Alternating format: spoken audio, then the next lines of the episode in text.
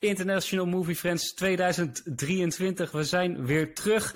We gaan terugblikken op 2022. Alles wat daar uh, was, wat we hebben gezien en wat we nou eigenlijk het beste vonden in 2022. En we gaan natuurlijk vooruitblikken naar 2023.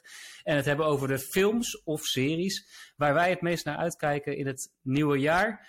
Er is nogal wat om naar vooruit te kijken. We hebben bijvoorbeeld uh, Harrison Ford, die inmiddels 80 is en nog steeds als Indiana Jones gaat optreden. We hebben eh, Nolan, die komt met zijn nieuwe Oppenheimer film. En Dune Part 2, ook eentje om naar uit te kijken.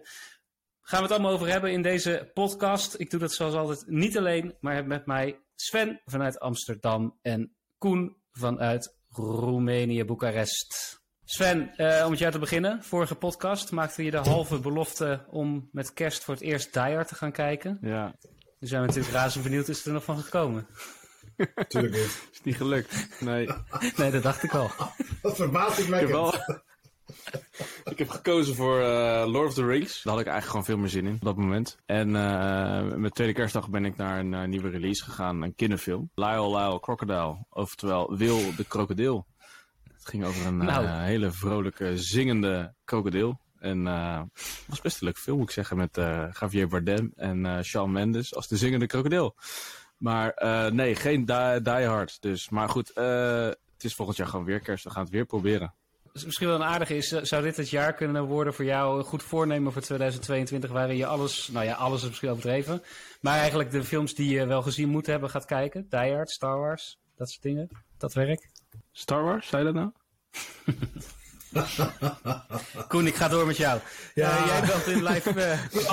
Laten we serieus even dingen gaan behandelen. Ik wil er best even op terugkomen. Het lijkt me best wel leuk om, uh, om dat eens een keer te gaan kijken eigenlijk. Maar dan wil ik wel... ik heb natuurlijk The Force Awakens gezien. Dat was een zware tegenvaller. Dus ik wil iets wat mij dan, wat dan wel mij kan bekoren. Dus dan wil ik graag goed advies van jullie. Wat is nou een goede instapper? Jullie kennen mijn smaak een beetje. Um, de, de, de kerstfilm met Chewbacca. nee, ik zou, ik zou zeggen, dus maar daar kunnen we, kunnen we nog, wel, nog eens een keertje wat langer over hebben. Maar ik zou zeggen, uh, of, of... Nog een, een keer, we hebben een Star Wars uitzending gemaakt. Uh, Oké, okay, een nieuwe ja, hoop, ja, Dat gaat nog heel vaak gebeuren. Een nieuwe hoop, de oh, allereerste. God. Of Rogue One, als je iets meer, iets moderners wilt. Ja, maar nee, hij was wil, niet zo heel erg van, van klassiekers, van, jongens. Van Endor. Ja, Nieuw Hoop. Klassiekers. Nieuw Hoop. Nieuw Hoop. Nieuw Hoop, de allereerste. Ga ik die kijken. Maar goed, dat is voor later dit jaar. Maar uh, vind het een goed, goed voornemen. Als er luisteraars zijn die ook nog nooit een Star Wars film hebben gezien, uh, kijk met me mee. En uh, laat die zijn er niet. waarom die zijn er niet gezien hebben. ik geloof wel. Die zijn er ik, ik, ik ontmoet regelmatig mensen die zeggen, ja, ik heb daar niks mee. Ik snap de, de whole fuss about it niet. Uh, wonderlijke cirkels beweeg jij hier rond. maar...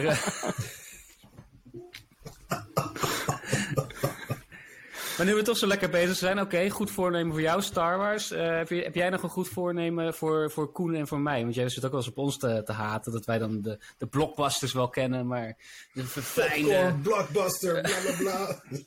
Oh, zeker, zeker. Ja, gewoon begin eens met een goede niet-Amerikaanse productie uh, voor 1990 gereleased. Uh, bijvoorbeeld... Die ga je al, ga je er al vanuit, vanuit dat we dat niet gezien hebben? Een goede Antonioni film of zo? Of La Haine, uh, Papillon. Uh, Papillon heb ik vandaag toegevoegd aan mijn kijklijst op Amazon.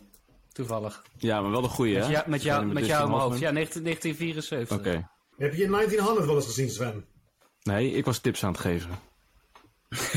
oh, oké. Okay. Oh, gaan we zo beginnen. Okay. Dus, dus oké. Okay. Uh, Papillon voor mij. Kan, kan ik die op mijn lijst uh, ja, schrijven? Papillon voor jou. En, en voor Koen? Koen? Ja, die, mag hem ook, die heeft hem ook niet gezien, denk ik. Nee, nee, nee, niet gezien. Nee, het is voor 1990. Dus. Jij nog een insiders tip, uh, Koen? Ja, Sven gaat altijd uit waar geen enkele film voor jaren 90 hebben gezien. Dat is echt onzin. Ah, ja, laat gaan, laat gaan. Ga nou maar eens een keer een 4,5 uur durende 1900 kijken met Gerard Depardieu. Huh? Dan praten we wel verder. Gerard Depardieu. 76. Top Gun is voor de jaren 90. Maakt niet uit. 86. Dat is waar, ja. Ja, precies. Smotje dicht. uh, een tip voor, het jaar voor, voor dit jaar voor jullie. Better Call Dus, okay. uh, ja, wil ik graag zien. Dus door iedereen, ja, uh, of nou, door heel veel recensenten benoemd als beste serie van uh, 2022. Dus ja. wat dat betreft, Koen, begeef je je in een, een keer in een gezelschap waarvan ik denk... een nou, keer? Oh, echt een keer ook echt? Nou, eens een tip voor Sven bedenken, hè? Ga nou gewoon eens een keer Die Hard kijken, man. Jezus, jongen. Kom op, man. Met je Nee, ik heb net een nieuw hoop, of de nieuwe hoop, hoe heet het? Eh, van Een nieuwe, Star Wars Star. Wars, een nieuwe hoop. Hoe heet Ja. het ook echt? Ik heb trouwens best wel wat, wat, wat eh, films eh, die jij getipt hebt afgelopen jaar eh, gekeken. En series. Zat er wat bij dat je leuk vond dan? Wednesday vond ik erg leuk. Nope vond ik wat tegenvallen. Maar ook weer niet Ja, slecht. je, vond het een vermakelijke film, maar nou, niet iets wat, wat remarkable is. Even wat minuten binnen schiet. Wa- Wat met de binnenschiet nu je zo aan het praten bent. Jij bent naar Colombia geweest. Nog iets eh, meegepakt van eh, de, de Netflix-productie eh, Escobar. Zeker, ja. Ik heb anderhalve episode wel gezien van eh, de final Oh, ik dacht anderhalve kilo. Ook dat. maar daar hebben we het in een andere podcast wel over. ja, Maar, precies. eh, Spuiten en slikken. nee, ik heb me af en toe wel in een, eh, in een film of eh, serie gewaand, ook in eh, Colombia. Ja, Nice. ja een aantal, aantal filmdecors zijn er wel met enige fantasie voorbij gekomen in de setting waarin we daar waren.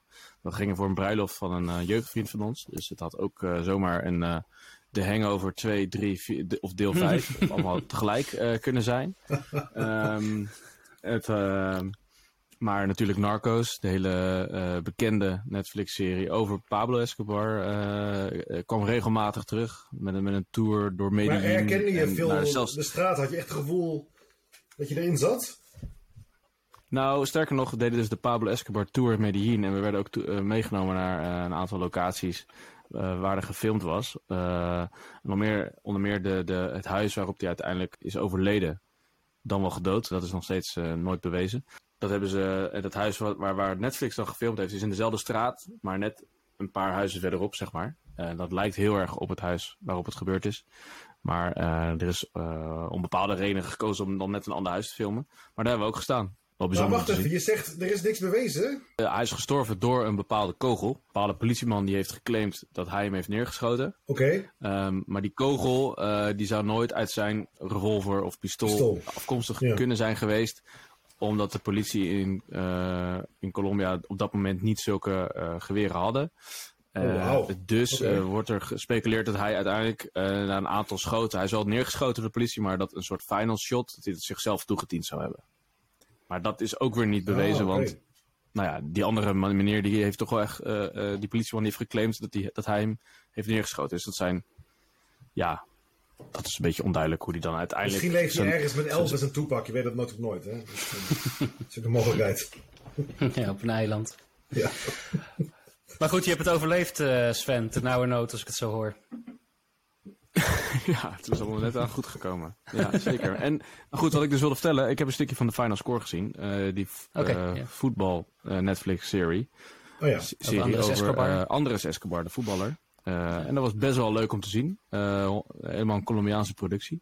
Hij had iets weg van een hele moderne telenovela. Eh, als mensen weten wat no- telenovela's zijn, die wel eens in misschien Latijns-Amerika komen. Dat zijn hele over de Wordt heel top veel hier gekeken. soapies.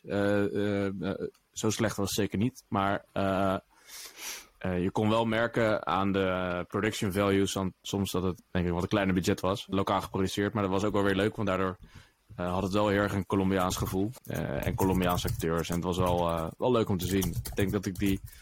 Helaas kon die alleen daar zien, maar eh, ik kan er best af willen kijken. Dat was jouw ervaring in, in Colombia de, de- in december. Koen, voor jou lag Ja. er een ervaring Roemenië. Het land waar Wednesday is opgenomen. De hele wereld is inmiddels een beetje Ja. gek aan het worden om, om die serie Wednes- Wednesday. Hoe is dat in Roemenië? Zijn ze trots op de serie dat die daar is opgenomen? Krijg je daar iets van mee? Ja, het grappige is dat eh, ik, ik stuurde jullie eerst een foto volgens mij toen ik in de metro hier in Boekarest. We hebben een hele mooie metro. Een metro, een hele grote metro, waar altijd heel veel posters in hangen. Dat bedoel ik meer te zeggen. Hele grote posters van bijvoorbeeld nieuwe producten van Vodafone of wat dan ook. eh, Coca-Cola, dat soort dingen. En nu opeens eh, liep ik binnen en ik zag opeens een hele grote poster. En ik zag Wednesday, maar dat was dan in het Roemeens geschreven. Ik had eerst niet door wat het was. Maar ik zag dus op de achtergrond, eh, achter Wednesday, de actrice, eh, eh, zag ik dus een eh, gebouw wat ik herkende. Dat was het, eh, een, paleis in eh Sinaia, wat ze gebruikt hebben voor bepaalde shots. En het grappige was dat ik ken de eigenaren van dat kasteel. Daarom heel leuk om te kijken. En zo- zodra het begon, ja, je herkende zoveel dingen. Het was echt interessant. En ik was afgelopen weekend was ik dus in de bergen, ietsjes verderop, in Brasov. En toen reden we met de trein reden we langs het kasteel. En de dag erna reden we terug met vrienden. Toen reden we dus door Bushten heen. Dan zag je overal heel groot uh, Kante Casino, zo heet het kasteel. En dan Wednesday, home of um, the Nevermore Academy. Dus ja, ze, ze zetten er heel erg op in nu. En het is nu, de laatste twee weken hoor je heel veel mensen erover praten. Dus het is ook altijd vaak op, op, trending op Twitter in Roemenië, dat eh, zag ik. En eh, ja, er worden heel veel dingen nu gedeeld. En het grappige is dat dat plaatsje uh, Jericho, wat heel erg Amerikaans lijkt, is ook gewoon dus in Roemenië geschoten. Dus dan een bekende filmstad, dat heet Boefta. Heel veel, alle films met Jean-Claude Van Damme en Steven Seagal, al die hele slechte B-films worden daar ook opgenomen. Ghost Rider bijvoorbeeld met, met Nicolas Cage. En nu hebben ze daar dus ook echt dat plaatje neergezet. En het grappige is dat het lijkt zo Amerikaans, maar als je goed kijkt, zie je dus de contouren van, die, van het dorpje. En dan zie je typische Romeinse, beetje dorre-achtige landschap, wat ik heel erg herken. Want rondom uh, de steden zijn vaak het wat lelijker. En dan de berg natuurlijk prachtig weer.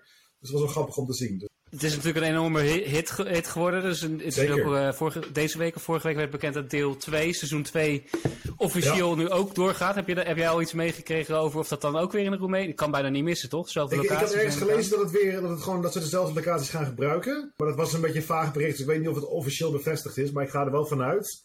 Dus we houden het in de gaten en dan, uh, dan ben ik blij dat we jou als correspondent in Roemenië hebben. Dus jij kan ons het komende jaar. Als ze gaan schieten, ga ik, ga ik langs. Dan ga ik. Uh, nee, echt, als ik weet als ik bevestiging heb als ze weer gaan schieten, dan ga ik, uh, uh, als het een beetje, ga ik gewoon uitpluizen of ik kan vinden wanneer ze bezig zijn. En dan neem ik gewoon een keer een weekendje, als ik niet zelf hoef te spelen, dan neem ik de trein. En dan ga ik kijken of ik misschien wat mooie foto's kan maken voor ons of zo. Dat zal wel leuk zijn. Cool. Ja. Jongens, we gaan, we gaan terugblikken op het afgelopen jaar, waar Wednesday natuurlijk ook onderdeel van, van was. En misschien, misschien komt hij wel terug in een van jullie lijstjes. Dat gaan, we, dat gaan we zien, dat gaan we horen. We gaan kijken naar afgelopen, het afgelopen jaar 2022. En dan wil ik graag van jullie weten. Ik heb jullie gevraagd om na te denken wat jullie favoriete film of serie van het afgelopen jaar is. Ik denk dat ik van één iemand het al kan invullen. Dus ik ga graag ik ga beginnen met Sven. Nou, we hebben het er net over gehad. Over uh, Wednesday. Dat vind ik een eervolle vermelding. Uh, zo in de start van 2022. Nog een eervolle vermelding gaat voor mij uit naar Rampvlucht. een Nederlandse dramaserie over de Belmer-ramp vond ik erg goed gedaan. Ik denk dat Nederland ja, gewoon goed is in, um, in een soort documentaire drama. Dat hebben ze eerder bewezen met de veroordeling film. En dat ging ook over waar, gebeurd, uh, waar gebeurd verhaal. En dit ging ook over waar gebeurd verhaal. De Bijlmerramp, ja, zit gewoon heel goed in elkaar. Heeft ook heel veel losgemaakt in die periode in Nederland. Maar mijn favoriete serie, ik ga inderdaad niet voor een film. Ik heb niet superveel films gezien. En de films die ik gezien heb, vond ik niet het, uh, nou ja, echt het terugblikken waard, moet ik zeggen. Uh, dus wat ik wel wil benoemen is Stranger Things. Dat was wel echt voor mij, die zijn in seizoen 4, vind ik erg knap, boven zichzelf uitgestegen. Misschien wel de beste, het beste seizoen gemaakt uit de geschiedenis van hun legacy. Vond ik een hoogtepunt. En nu gaan we op naar seizoen 5, die in 2023 uitkomt. Ja, dat is het laatste seizoen. Klopt. Dus uh, dat is ook iets meteen waar ik naar uitkijk. Uh, maar dan komen we waarschijnlijk straks wel terecht. Dus nee, ik vond het een, een hele goede serie. Ik vond de, de, de, de mix die ze vonden tussen, of eigenlijk de, de, de symboliek tussen psychische problemen die jongeren, nou heel veel mensen kunnen hebben, maar dit gevoel, in dit geval gaat het over jongeren. En dat eigenlijk die symboliek zoeken weer met paranormale werelden. in dit geval de Upside Down en een monster wat daar leeft. Ja, vond ik heel sterk gevonden. En dan de combinatie met uh, Running Up That Hill, wat ook nog eens een mondiale hit werd dankzij deze serie. Opnieuw. En met die, die, die track erbij, die ja, als een jasje paste bij deze thematiek en bij bepaalde scènes. Uh, ik weet nog een scène, maar episode 4, hoe die eindigde. De slotscène van uh, seizoen 4, waar Max eigenlijk het gevecht aangaat met Vecna. Uh, en dan met uh, zware slow motion beelden. En dan het nummer van Kate Bush. En Max allemaal flashbacks krijgt naar haar jonge trauma's. En daartegen vecht. En dan dat haar favoriete muziek haar dan weer naar de bovenwereld kan trekken. Dat het een soort opening vormt in een hele donkere psychotisch drama eigenlijk. En dat haar favoriete nummer dan wordt gedraaid en dan wordt ze eruit getrokken. En dan ziet ze een opening en daar kan ze dan weer doorheen uit ontsnappen. Dat vond ik, ja, vond het een hele mooie scène. Eigenlijk die, een soort die, ja, eigenlijk het hele seizoen samenvatte en thematiseerde. En waardoor het voor mij ook allemaal een beetje op zijn plek viel. En dat het, dat het dus meer was dan, dan monsters en uh, spannend en uh, paranormaal. Het kreeg ineens een extra laag en dat vond ik super sterk. Tof. Uh, Koen, ik weet van jou dat je ook fan bent van, van Stranger Things. Maar ik gok dat deze niet jouw nummer 1 heeft gehaald van het afgelopen jaar. Maar het is een kleine, kleine gok. We houden nog even een verrassing. Maar wat, wat vind jij van Stranger Things? Nee, ik, denk, ik vind dat Sven het heel mooi beschreef. Um, um, uh, door deze scène, en het nummer van Kate Bush, Running Up the Hill, komt vaker terug. Dus is, het, weer op nummer 1 gestaan, volgens mij in Amerika zelfs. En de symboliek die Sven nu beschrijft, was ook even een sterke punt inderdaad in het seizoen. Uh, daarnaast vond ik ook heel sterk het character Eddie. een beetje een loner beetje de oudere versie van de yogis. Nog steeds een beetje nerdig-achtig, niet, niet, niet echt geliked op school.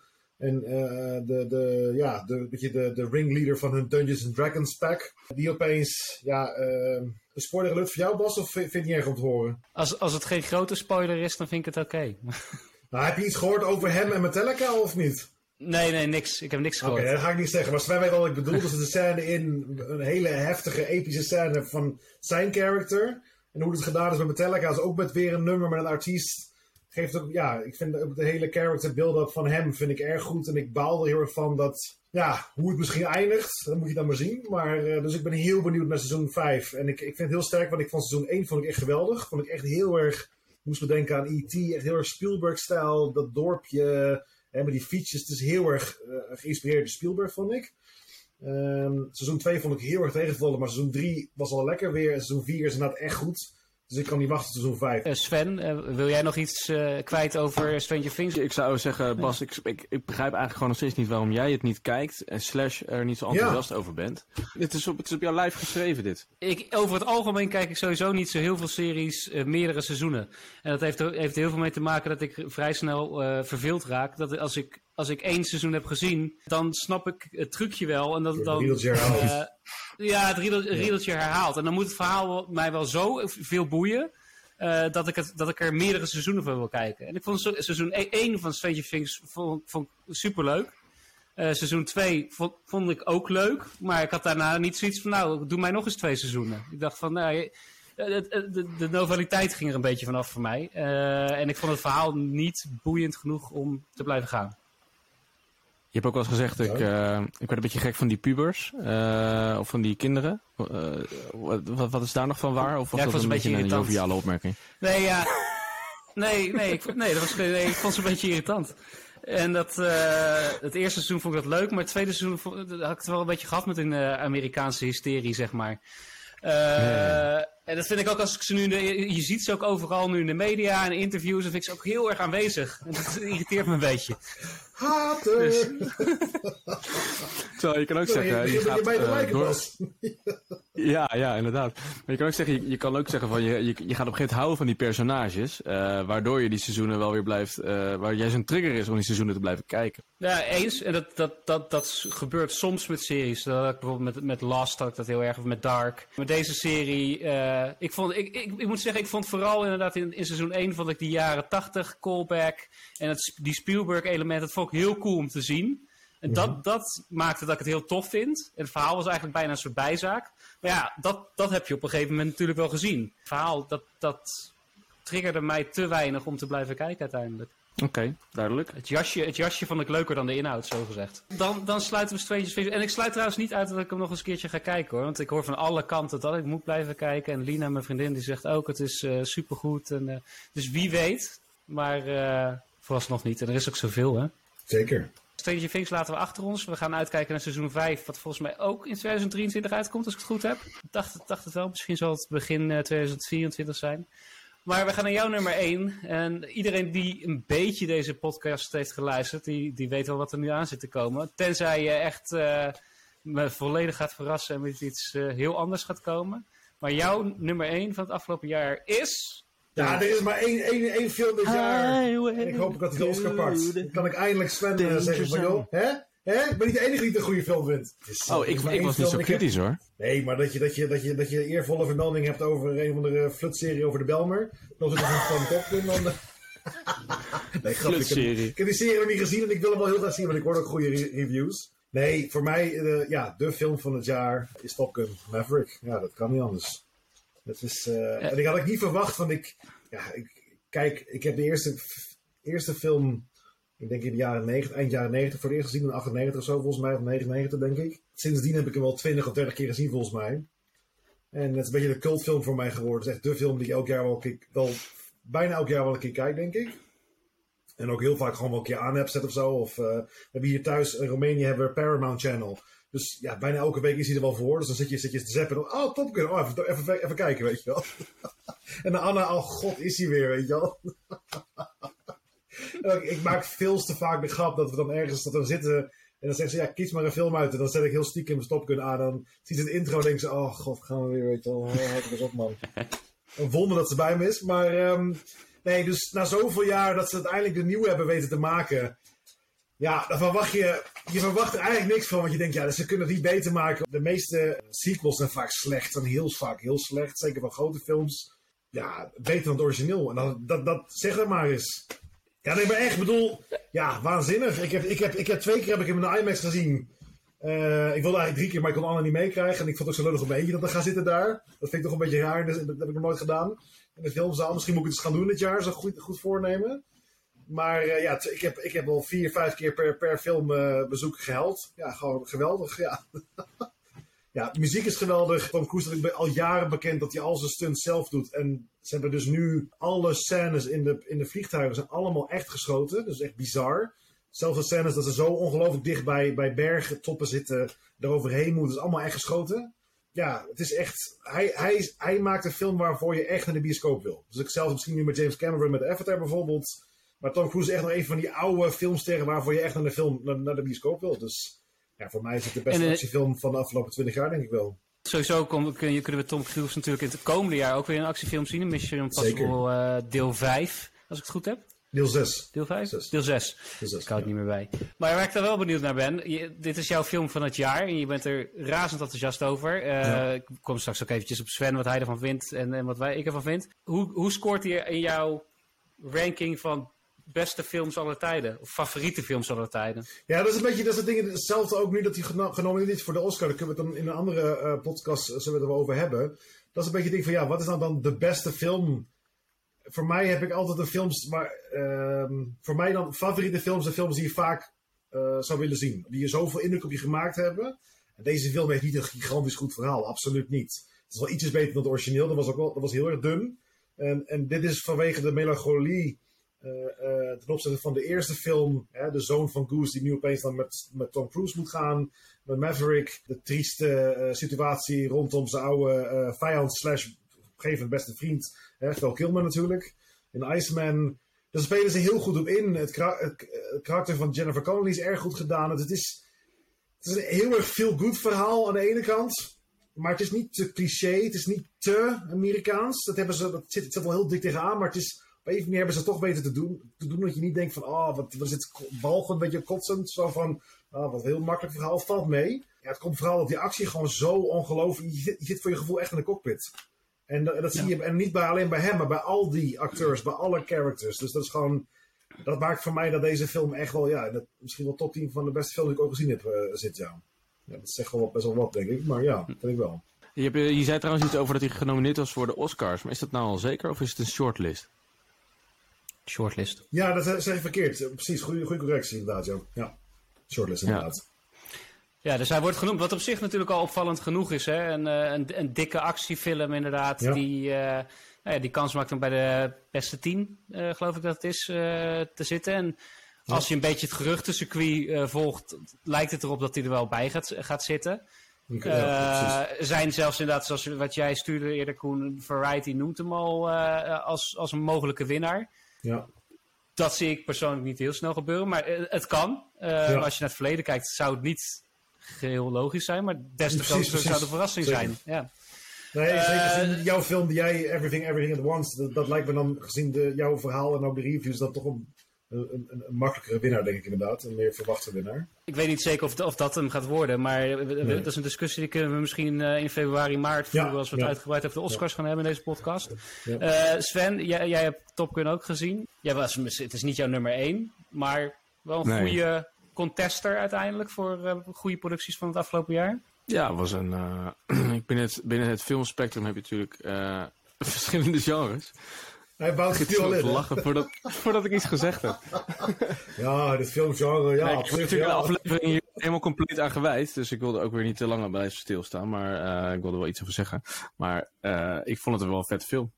Ja, ik vond het een hele goede actiefilm. Heel vermakelijk. Uh, je kon ook echt voelen dat, het, dat die scènes in die straaljagers dat die echt waren. En dat maakt het wel extra waardevol en ook extra extra veel respect voor de productie, vind ik. Want dat is wel echt uh, ja, next level om uh, zo uh, die scènes op te nemen.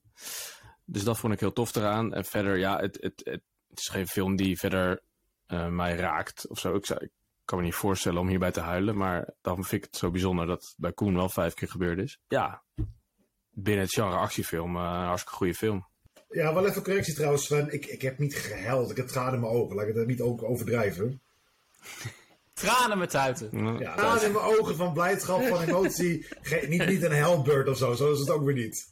Het is geen nee, uh, zware oorlogsfilm of zo, nee. Ja, ja, ja. ja het is geen nee, dat je zijn hebt dat je denkt van holy fuck, wat gebeurt hier? Nee, natuurlijk niet. Maar... Nee, oké. Okay. Nee, check. Maar goed, ik denk dat we er alle, alle drie over eens kunnen zijn dat, uh, dat, dat Top Gun, Maverick... Ja, precies. Nou ja, de, ons en de... nee, dat is maar een film. en de wereld verrast heeft wat dat betreft. Top Gun, actiefilm van het jaar. Daar kunnen we het bij deze overheen zijn. Laten we hem daar, afgehamerd. Uh, daarmee afsluiten. Exact, afgehamerd. Oké, okay, Bas, we zijn heel benieuwd naar jouw maar, favoriete maar, ja. producties ja, van 2022.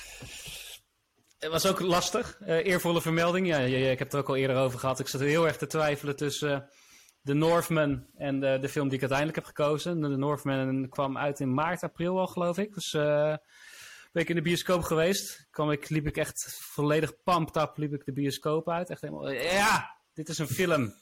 Echt letterlijk liep ik zo de bioscoop uit. Gaaf. Het is wel gaaf dat je, weer eens mee, dat, je dat weer eens meemaakt. Ja. Want, ja. Ik weet niet, mag ik als meteen even mag onderbreken. Uh, hoe vaak gebeurt dat nog? Uh, want als je natuurlijk zoveel films en series ziet, op een gegeven moment word je ook uh, soort geprogrammeerd. En lijkt het wel of er steeds meer nodig is. Ja.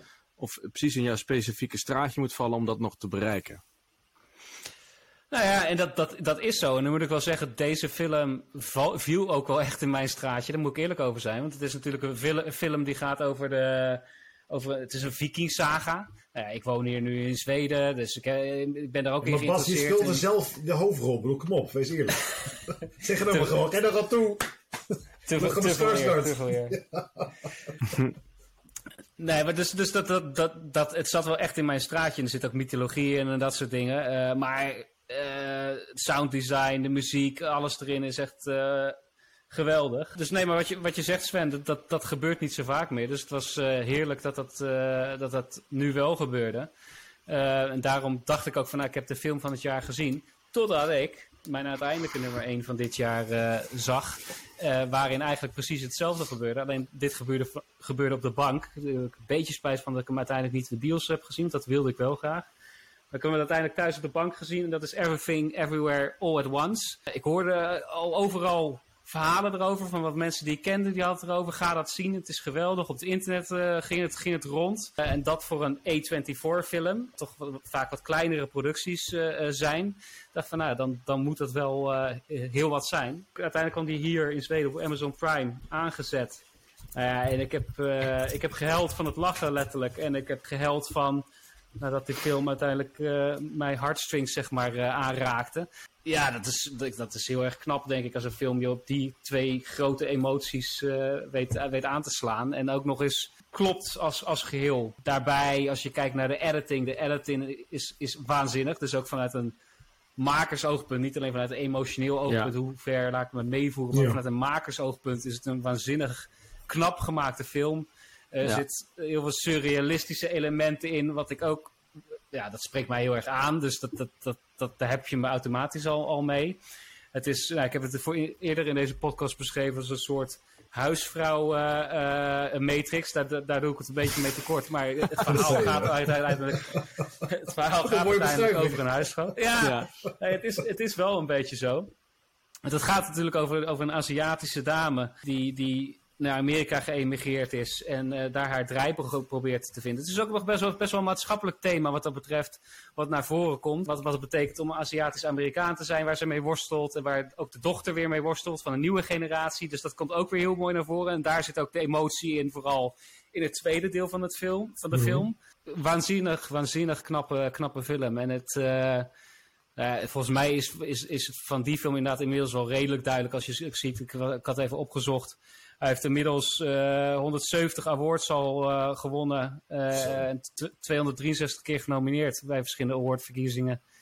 En het is de succesvolste A24 film tot op de dag van vandaag. De eerste A24 film die meer dan 100 miljoen wereldwijd opbracht. Uh, oh, wow. Succesvoller dan Hereditary bijvoorbeeld. Dus nee, deze film heeft, uh, heeft de wereld verrast. Of, of die uiteindelijk de beste, beste uh, film gaat winnen bij de Oscars, dat weet ik niet. Maar dat hij een paar categorieën gaat, gaat veroveren, dat, dat lijkt mij wel, wel duidelijk. Dus nee, mijn nummer 1 is Everything Everywhere All at Once. Jullie hebben hem nog niet kunnen zien, hè? Nee, helaas niet. Nee, ik heb de helft gezien. De tweede helft kwam je niet naartoe. Nou, het zat zo. Ik, uh, ik had toen een, uh, een beetje kort nachtje gehad de avond ervoor. Ik begon laat met kijken. En uh, het is een vrij intense film. Het is wat je zegt, uh, de, de, editing, je geeft er aan de ene kant credits voor, maar het is ook een film waar een enorm hoog tempo uh, zit en waar je ook qua verhaallijn in het begin continu op het verkeerde been wordt gezet. Waardoor je wel, het is een actieve film, je moet een actieve mindset hebben, je moet een beetje energie hebben om, om hier doorheen te boksen. En uh, dat had ik toen niet. Dus ik dacht, ja, ik kijk hem de dag daarna verder. Maar dat is er uh, niet meer van gekomen. Met andere woorden, ik vond hem ook weer dus niet zo pakkend dat, mij, uh, dat ik heel erg de urgentie voelde om hem af te kijken. Maar dat betekent ook weer niet dat ik hem... het is voor mij gewoon... Ik, ik, kan hem nog niet reten, want ik heb hem nog niet afgezien. Dus ik, ik kan er eigenlijk nog niet zoveel van vinden. Ja. Nee, en ik snap wel, ik snap wel wat je zegt. Uh, en ik vind inderdaad, je moet hem afkijken. En je moet hem dan niet alleen het tweede deel kijken. Ik vind dat je hem in zijn geheel dan weer moet kijken. Want ik, heb, ik had eigenlijk precies hetzelfde halver, halver, halverwege de film. Uh, nou ja, ik vond sowieso het eerste deel, ik vond het wel ontzettend grappig. Ik heb echt eh, keihard gelachen een aantal keren. Dus het was ook mijn humor kennelijk. Maar je moet wel actief kijken. En ik dacht wel halverwege, als dit nog, een hal, als dit nog voor de rest van de film zo doorgaat...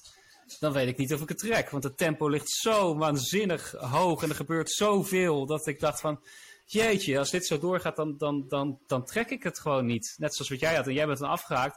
Maar het mooie is dat die film halverwege gaat hij een paar versnellingen lager schakelen. En gaat hij dus meer het emotionele verhaal uitdiepen. Uh, en dat maakt het als geheel een waanzinnig knappe film, uh, uh, wat mij betreft. Die je ook echt inderdaad als geheel moet zien. Ik ben heel benieuwd, heel benieuwd. Ik ben ook benieuwd uh, wat jij ervan gaat uh, Ja, ik hoop dat ze, hier, dat ze hier gaan draaien ergens. Vaak hebben het wel bij dit soort grote films dat ze dan opeens een paar maanden later toch ergens in de bioscoopje gaan pakken. Dus ik zal nee, zeker, als hij bij de Oscars, uh, zeker als bij de Oscars natuurlijk het ja, gaat doen, dan, ja. dan, dan komt de hype weer op gang. En dan gaan ze vaak re-releasen. Everything Everywhere All at Once. Dat eindigt dan ons blokje terugkijken. We gaan vooruitkijken naar het jaar 2023. Wat er gaat uitkomen. Eigenlijk hetzelfde idee, jongens. Ik heb jullie gevraagd om één productie te selecteren waar jullie het meest naar uitkijken in 2023. Gelukkig komt er geen nieuwe Top Gun. Dus dat uh, maakt het alweer wat verrassender, gelukkig. Uh, gelukkig. Dat we van Koen krijgen. nou ja, Koen, laten we hem gewoon gelijk maar met jou, uh, met jou aftrappen. Waar kijk jij het meest naar uit in 2023? Mag een film, mag een serie zijn, documentaire, noem wat. Ja, het was lastig kiezen. Eerst dacht ik Indiana Jones, want dat is wel een van mijn favoriete filmreeksen. En ik ben ook heel erg fan van Harrison Ford. Als ik het toch moet kiezen, dan is het eh, duidelijk voor mij toch wel Oppenheimer. Film over, die komt over zes maanden komt die uit. Dus er was vandaag een nieuwe trailer met een countdown. En het is de nieuwe film van uh, zowel geschreven als geregisseerd en geproduceerd door hè, mijn, een van mijn favoriete regisseurs, Christopher Nolan. Voor de zesde keer dat hij samenwerkt met uh, Cillian Murphy. Geweldige Ierse acteur. En het is de eerste keer dat Cillian Murphy in de hoofdrol speelt. Dat is ook wel spannend. En ik denk, ik heb vandaag nog vanochtend de podcast geluisterd over Oppenheimer zelf. En ja, na tien minuten had ik al door van dat Cillian Murphy perfect gekozen is. Want zijn gezicht, zijn mimiek is perfect voor, voor, voor, voor deze man. De reden dat ik er zo naar uit, uitkijk is, ik vind ja, Nolan een van de beste regisseurs van de afgelopen ja, 10, 20 jaar, denk ik. Misschien wel de beste voor mij zelfs. Want ik vind eigenlijk alle films die hij gemaakt heeft, geweldig. Ik ben heel erg fan van Cillian Murphy. Ja, daarnaast zit hij sterrenkast. Hij heeft hè, het grootste talent wat nu heel vaak wordt genoemd, Florence Pugh speelt een rol. Robert Downey Jr. speelt eindelijk weer een, in, in, een film. Geen Marvel-film. Het, het, het, hele idee over uh, het ontstaan van hè, de Manhattan Project. Hoe ze in het geheim in de Tweede Wereldoorlog dus de atoombom ja, gemaakt hebben in uh, was, was New Mexico volgens mij of Nevada. Ja, ik heb, ik, ik, ben, ik heb laatst weer opnieuw Chernobyl gekeken, de serie Chernobyl. Daar zit je weer helemaal in dat gedoe met radioactiviteit. Dus ik, ik ben heel erg, heel erg benieuwd hoe Christopher Nolan dit verhaal van deze spe speciale man. Want ik heb een half uur podcast zitten luisteren. Het is een hele aparte man kennelijk. Dus ik ben heel benieuwd wat er naar voren komt. Ik wil, eigenlijk ook, ik wil er eigenlijk ook minder, niet meer dingen over lezen nu. Over de man. Omdat ik gewoon echt denk van. Ik wil eerst Nolan's versie zien. Dan ga ik daarna misschien een biografie lezen. Ja, en Nolan is natuurlijk bekend om uh, dat hij eigenlijk vrijwel geen CGI wil gebruiken als het echt niet hoeft. Dus heel veel mensen hadden memes en waren bang van hij gaat echt een atoombom gebruiken. Maar ja, dat kan natuurlijk niet. Dus uh, ik heb wel eens een behind-the-scenes scène gezien hoe ze dat dus wel gedaan hebben. Dat is echt waanzinnig. En ook uh, Hoyt, uh, nee, Hoyt... Uh, Hoyte van Hoytema? Hoyte van Hoytema, die was ik heel bang van hoe ga ik het hemelsnaam voor elkaar krijgen. Maar, cinematograaf, ja. Nederlandse cinematograaf, die vaak samenwerkt met, ja, met Nolan. Ja, met Dunkirk samengedraaid volgens mij, ja. ja. Tenet. Dus ja, ik ben echt heel erg benieuwd wat, wat, wat voor een geweldige film het wordt, John. Ja, gaaf. Ja, dat is er eentje. Een, een, een Nolan-film, dat is altijd een happening. Hè? Dat is altijd, het is altijd een eventfilm, zeg maar. Dat is, was bij, ja. bij Tenet net zo. Ja. Uh, waarin je, waar je een hoop van mag verwachten. Een van, ik las onlangs wel een aardig artikel waar we vroeger de, de, de filmsterren hadden, de supersterren. Uh, ja. De acteurs, zeg maar. Tom Cruise, Brad Pitt, weet je. Waarvoor je naar de bioscoop ging is die rol nu steeds meer weggelegd voor regisseurs. Ja, oh, een zeker. nieuwe Nolan-film. Oh, een nieuwe Villeneuve-film. Uh, ja. Terwijl een acteur dat. niet meer per se uh, garant staat voor uh, een, een goede film. Dus dat is ja. een beetje Behalve Tom Cruise. Ja. ja. En, nee, maar Nolan, Nolan is natuurlijk wel... Gegarandeerd, ja precies. Nee, maar Nolan is wel echt, ja, is misschien wel de...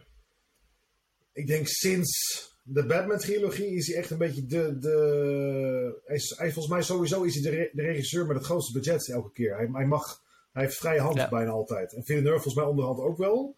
En, ja. en daarnaast Cameron. Dat zijn de, de enige echt grote ja. drie die, die alles nog wel kunnen, voor elkaar kunnen spelen, volgens mij in Hollywood. Ja. Ja. Uh, heb jij iets meegekregen al over de muziek? Uh, dit is inderdaad Ludwig Göransson die het ook voor, uh, voor, voor Oppenheimer gaat doen, ja. Ja. ja. Je zegt Göransson, dus schrijft toch Göransson? Ja, je schrijft Geursen, maar het is, het is Zweedse. De G en dan ah, O met ik denk puntjes. dat het elke keer. Okay. Goeie correctie. het is gewoon, ik loop te muggenzift omdat ik toevallig in Ja, dat is prima joh. Prima. jij mag het, jij woont daar. ja, dus nee, het is uh, weer het, de tweede samenwerking achter elkaar inderdaad. Ja. Uh, Ja. Met uh, Nolan. Ja. Cool. Uh, Sven, voor jou dit een film om naar uit te kijken? Ja, nou, op zich wel. Ja, ik vind eh, van Nolan vind ik niet eh, al zijn repertoire eh, ehm, valt binnen mijn straatje, maar een aantal films zeker wel. Inception en Interstellar vond ik echt eh, geweldige films. Met name Interstellar. En ja, Zeker. daar, daar heeft hij wel aangetoond gewoon echt grote, grote pakkende films te kunnen maken. Ehm, ik hoop dat hij weer die kant op gaat. Ik vond, ik vond Tenet erg tegenvallen. Dus ik hoop dat hij, dat hij weer een film eh, gaat maken die ook emotioneel weet te raken. Ehm, ja, ik heb nog niet zo heel veel eh, verdiept in deze film, maar verwacht jij Koen dat hij eh, dat, dat weer gaat proberen? Of dat, dat, dat deze film daar ook in toe in staat is? Ja, ik verwacht het heel erg, want in het begin dacht ik echt van, hè, wat is het nou zo'n interessante film erover? Het is meer, ik dacht misschien een biografie is interessant over deze man. Maar ehm, eh, ik heb dus een podcast even geluisterd vanochtend en deze man heeft een heel raar leven geleid. Is een hele ja, bijzondere persoonlijkheid. Cillian Murphy is een acteur die dat heel goed kan neerzetten. Dat heb ik al vaker in films gezien. En eh, dit is echt een film, ook als je de trailer ziet, er wordt niet heel veel vertoond, maar de scènes die hij hij speelt heel erg met de persoonlijkheid Oppenheimer en volgens mij met zijn vraag van wat ik nu aan het doen ben, kan het wel? Maar ik moet het doen. Dus die, die, die twijfel erin. Volgens mij gaat, het- wordt het heel emotioneel eigenlijk wel. Dus heel, het wordt heel psychisch interessant, denk ik. Mentaal vooral. Ja. Ja, ik ik denk dat dat zou heel tof zijn. Want ik, ik sluit me een beetje aan Tof. bij, bij Sven. Ik vond Tenet ook een beetje eh, een opgeblazen film bijna. Ik zou ook graag willen dat hij iets meer weer de, de rust pakt. Iets meer naar de rust van de, de Ja, Prestige, ja. Insomnia, eh, dat soort Oh, ja. films. Interstellar zit ook meer rust in. Iets meer juist dat serene Ja. in plaats van bam, bam, bam, bam, bam. Weet je. Eh, Ik hoop... Tenet was, Tenet was een rollercoaster inderdaad. Het was, het, was Ja. wel- het was geweldig om te zien, maar het is toch ook misschien wel helemaal nergens op. Ja, ja. Het was, ja, ik kreeg een beetje het gevoel van, oké, geweldig groot budget, laten we alles, er, alles erin gooien, Ja. zeg maar. ja. Eh, maar goed, eh, wat ik van, inderdaad van jou hoor en wat ik ook in de, in de trailer heb gezien, heb ik ook het idee van dat dit misschien wel weer een beetje een terugkeer naar de originele Nolan-film kan, kan zijn, zeg maar. Dus ik Ja, ben, heel dus- benieuwd. eh. De laatste ding is, de sterke dingen van Interstellar vond ik vooral ook de- het, het persoonlijke leed en het simpele van Matthew McConaughey met zijn dochter. En, en de, de psyche erachter. En dat zag ik een beetje nu in de manier hoe Cillian Murphy bepaalde vraagstukken opwiep in de trailer. Van, ah, misschien gaat hij naar dat, dat pad inderdaad. Ja. ja. Eh, over een maand of zes komt hij in de bioscoop, zei jij, hè? ja, zes maanden en vijf dagen zag ik op de trailer vandaag. Oké, ja. Ja, dat is precies. Ja, ik ben heel benieuwd. Dus, ja, dus dan zitten we ergens zo eh, rond half juli. Ja, lekker in de Ja. zomer kijken. Nee. Oppenheim. Eh, gaan we in de gaten, Oppenheimer. Gaan we in de gaten houden. Eh, Sven, eh, voor jou 2023 de productie waar je het meest naar uitkijkt. Nou, nou komt hij hoor. We hebben het net al gehad over eh, eh, seizoen 2 van Wednesday. eh, seizoen 5 van Stranger Things. Dat zijn series waar ik enorm naar uitkijk. Eh, qua films eh, heb ik nog niet echt een, eh, een glazen bol. heb ik niet zo'n goede glazen bol, moet ik zeggen. En wat ik opmerkelijk vond, ik toch ook even wil noemen. Niet dat ik er gigantisch naar uitkijk, maar wat ik wel leuk vind dat het er komt. Is de Super Mario Brothers. Ja, er komt een film van de game, van de console Nintendo, waar ik ja, mijn gehele jeugd en eh, nou, ook een deel van mijn puberteit eh groot fan van was. Van Super Mario, Super Mario Kart en al die games. En er komt nu een film van, helemaal in die stijl. Eh, ik vind het eigenlijk een beetje een krankzinnig idee, maar ik vind het ook wel weer grappig dat, dat er dus een film komt van een game. waardoor je eigenlijk continu het gevoel hebt dat je naar een game zit te kijken. Want ze zien er precies hetzelfde uit als in Super Mario World.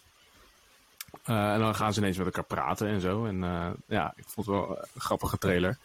Eh, dus ik, ik, ik eh, ga dat denk ik uit, eh, vanuit sentimenteel oogpunt eh, wil ik die wel even zien. Het kan natuurlijk helemaal goed gaan, maar het kan ook vo- volledig fiasco Ja. worden. Het is één van de twee. Ja, er is al een keer eerder een fiasco geweest rondom een film rondom Super Mario Brothers. Dat is een film uit 1993. Eh, dat was een live-action film.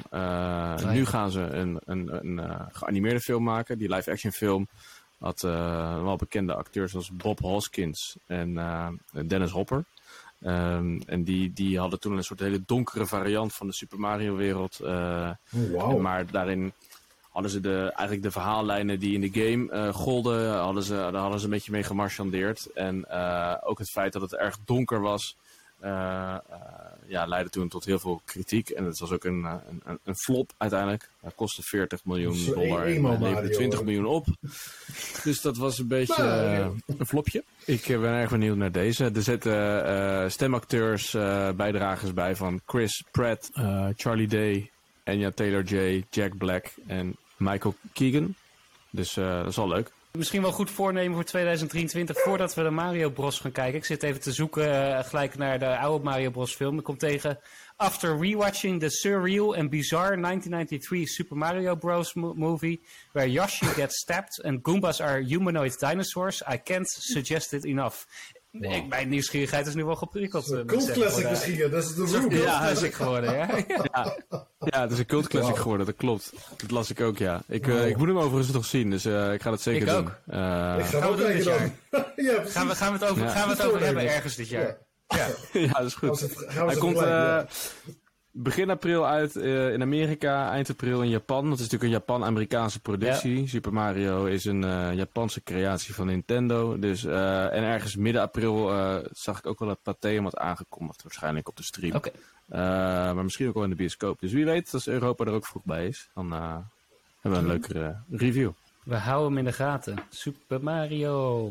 Dat was jouw eh, tip voor 2023. Eh, hou ik ook, eh, gaan we in de gaten houden. Gaan we op terugkomen in, eh, in dit jaar in de podcast. Misschien dus ook op de Cult Ja, Classic. Ga ik goed. hem afsluiten. Die van mij zal geen verrassing zijn voor jullie ook. Want eh mijn is eh Dune Part 2. Ja, net zoals vet. in 2021 hebben we een Villeneuve film en een Nolan film in hetzelfde jaar. Nou, dat vind ik sowieso al verwennerij. Uh, Zeker. Voor mij is, is Villeneuve uh, de regisseur van, van dit moment. Uh, en met Dune 1 heeft hij laten zien, met Dune 1 heeft hij laten zien dat hij ook een hele moeilijke franchise zoals Dune succesvol kan ja, uitvoeren. Ja, dat is echt knap. Ja, ja uh, dus nee, ja, Doen 2, ik kijk er heel erg naar uit. Hij komt op 3 november uh, van dit jaar in de bioscoop. Uh, uiteraard weer Villeneuve aan het roer. Ziemer, Hans Ziemer, de composer. We zien alle bekende karakters van deel 1 zien we weer terugkeren. Het was natuurlijk al een hele grote cast met Timothy Chalamet die de hoofdrol speelt. we hebben Javier Bardem, we hebben Dave Bautista... We hadden daarna, wie we niet terugzien, is natuurlijk uh, Oscar Isaac. Uh, ja, die uh, overleed in deel, deel 1. Ja. we hebben wel nog steeds Rebecca Ferguson ook. Maar de kast wordt nog groter, want we krijgen nu Lea Seydoux, die Lady Margot gaat spelen. We krijgen Christopher oh, Walken. Oh, nice. Christopher Walken. Wow. de, de, emperor, de. Dus dat is, daar kijk ik heel erg naar uit. Nice.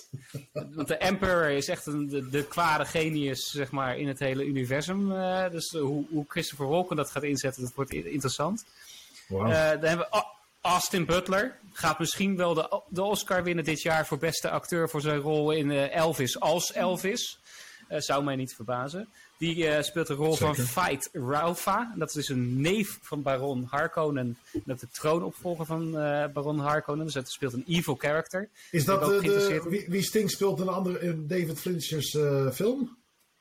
Ja, exact. Ja. Ah, wauw, oké. Okay. Dus een beetje de evil ja. neef inderdaad, ja. Oké, okay, tof. Ja, de evil neef. En om ook weer te verbinden met Oppenheimer, Florence Pugh speelt ook in deze film. Wow. als prinses Irian. kast. Uh, ja, de kast is alleen maar groter. Hoeveel budget hebben ze, joh? Jezus. Ja, en de, de vraag is nu... Uh, het is natuurlijk altijd het doel geweest van Villeneuve om twee films te maken van het eerste boek. Hij heeft eigenlijk het eerste boek genomen en die in twee delen gedeeld. Het eerste deel hebben we gezien. Het tweede deel krijgen we nu te zien. En hij heeft in zijn hoofd om ook het tweede boek, Dune Messiah, om die ook te gaan verfilmen, om er eigenlijk een trilogie van de maken. Ja, maar van de, oorspronkelijke, uh, oorspronkelijke boekenlijn, zijn er maar twee boeken dan? Nee, er zijn, uh, ik kijk nu op mijn boekenplank, er zijn er vijf. Van, van dezelfde schrijver? Ja, okay, vijf van dezelfde schrijver. En okay. daarna heeft ze zo nog wel wat boeken ook uitgebracht. Ja, maar precies, van uh, Frank Herbert heeft vijf boeken uitgebracht. Het tweede boek heet Dune Messiah. En die zou Villeneuve ook graag willen verfilmen. Maar ja, dat hangt dus natuurlijk af van het succes van deel 2. Want dat zijn geen, geen goedkope films. Nee. Uh, tegelijkertijd wordt er op dit moment ook gewerkt aan een Dune prequel-serie. En die wordt geregisseerd door de regisseur van Chernobyl dan weer. Oh, wauw. Oh, Waar dat, is over hebben gehad. Ja. Speelt zich 10.000 jaar voor Dune af. okay. Dus, uh, nou ja, voor mij uh, een, een, een duidelijke nummer 1 om naar uit te kijken. Hij komt pas aan het einde van het jaar. November toch? ik, ga, ik, ik ga aftellen. Ja, 3 november in de bioscoop. Cool. Ja, ik heb ook wel zin om die weer te zien. Ik moet eh, eerlijk zeggen dat het een eh, veelbelovende kick-off was van de, van de, nou ja, van de, deze sequel. Eh, ik weet dat jij eigenlijk niet zo heel erg enthousiast was, volgens mij, Bas. Ehm, en dat wij het wel tof vonden, maar misschien heb ik het verkeerd. Nee, ik was wel, ik was wel heel enthousiast. Eh, alleen, ik heb hem uiteindelijk volgens mij niet als mijn film van het jaar genoemd. En daar waren jullie erg verrast over. Oh ja, Eh, weet je, zo erg daarvoor, voor, daarvoor aan het, eh aan het Nee, was. Ja. Ik Nee, vond hem, ik ik dacht vond hem volgens geweldig. mij dat jij, dat je atmosferisch. verwachtingen heel hoog, ho- hoog lagen. En dat hij, dat hij iets, was teleur, iets, was, eh, iets teleurgesteld eh, had in je. Maar dat was Nee. niet zo dus. Het e- het-. Nee, ik, het, ik was eh, heel erg overtuigd. Het enige was eh, het einde. Dat, dat was mijn enige, enige kritiekpuntje. Waarbij ik heb gezegd... Ik vond dat hij op het verkeerde punt eindigde. Eh, waarvan Oh ik ja, zeg van als deel 2 deel twee erbij komt... Ik denk dat je het straks gewoon als één geheel moet zien. Als Oh ja. deel 2 de, land, de landing maakt... Dan wordt het de perfecte film. Maar ik vond deel 1 op zichzelf staand... Door het einde, waar hij heeft gekozen om af te breken... Dat vond ik een minpuntje. Maar voor de rest, hoe hij die wereld heeft neergezet, de shots, eh, de muziek, eh, al, al dat, eh, vond ik geweldig. En deel 2 moet nu gaan, gaan bepalen of het inderdaad een, een absoluut meesterwerk gaat worden Ja. bij elkaar. ja. Dat weet ik nog Ja. niet. Ja, ja, want het, ja, precies. Deel 1 eh, had eigenlijk nog wel iets nodig, inderdaad, om echt een hele goede film te, te gaan worden. En dat zal waarschijnlijk in twee, deel 2 zitten. Ja. Zeg maar. Dat, dat is heel vet. dat hoop ja, je, ja, vat het goed samen, denk ik. Ja. Dus er uh, extra veel reden om daar naar uit te kijken. Daar gaan we het natuurlijk ook over hebben in deze podcast Zeker. in 2023. En Doen deel we 2 krijgen meer een nieuwe richting het einde. Bond dit jaar. Dat wordt ook bekend. Oeh. Geen film, maar de acteur. Maar wel een nieuwe Bond. Juist. Exact. Ja, ik hoop op die jongen van Bullet Train. Maar daar gaan we ook later nog wel eens een keertje eh, uitgebreid over discussiëren. Er is een hoop Ja. te bespreken in 2023. Zo, en hoop te zien weer. Ja. En we hebben maar 12 uitzendingen. Dus voor de mensen die luisteren, ja, je moet gewoon elke, elke uitzending weer luisteren. Er komt zoveel voorbij. Het is zo de moeite waard. Ja. Ja. Ik heb nog een tip van een van onze vaste luisteraars, Arend Jan Ooms. Die had het over Las Best- Bestias. Spaanse film. Vond hij een hele goede film van het afgelopen jaar. Dus Oké. eh, misschien kunnen we die ook nog een keer meepakken met elkaar en eh, een keertje bespreken. Ik heb hem opgeschreven. We gaan er naar op zoek, jongens. Dat is voor een andere uitzending. Ik wil jullie voor Ja. nu bedanken voor jullie eh, bijdrage aan dit vooruitblikje en terugblikje. Ik heb zin in 2023, zin om met jullie weer over films en series te praten. Eh, voor nu zou ik zeggen, tot de volgende keer. Maar weer Hedel vanuit Zweden. Verder. Eh goedenavond. Doei! Hij de ballen.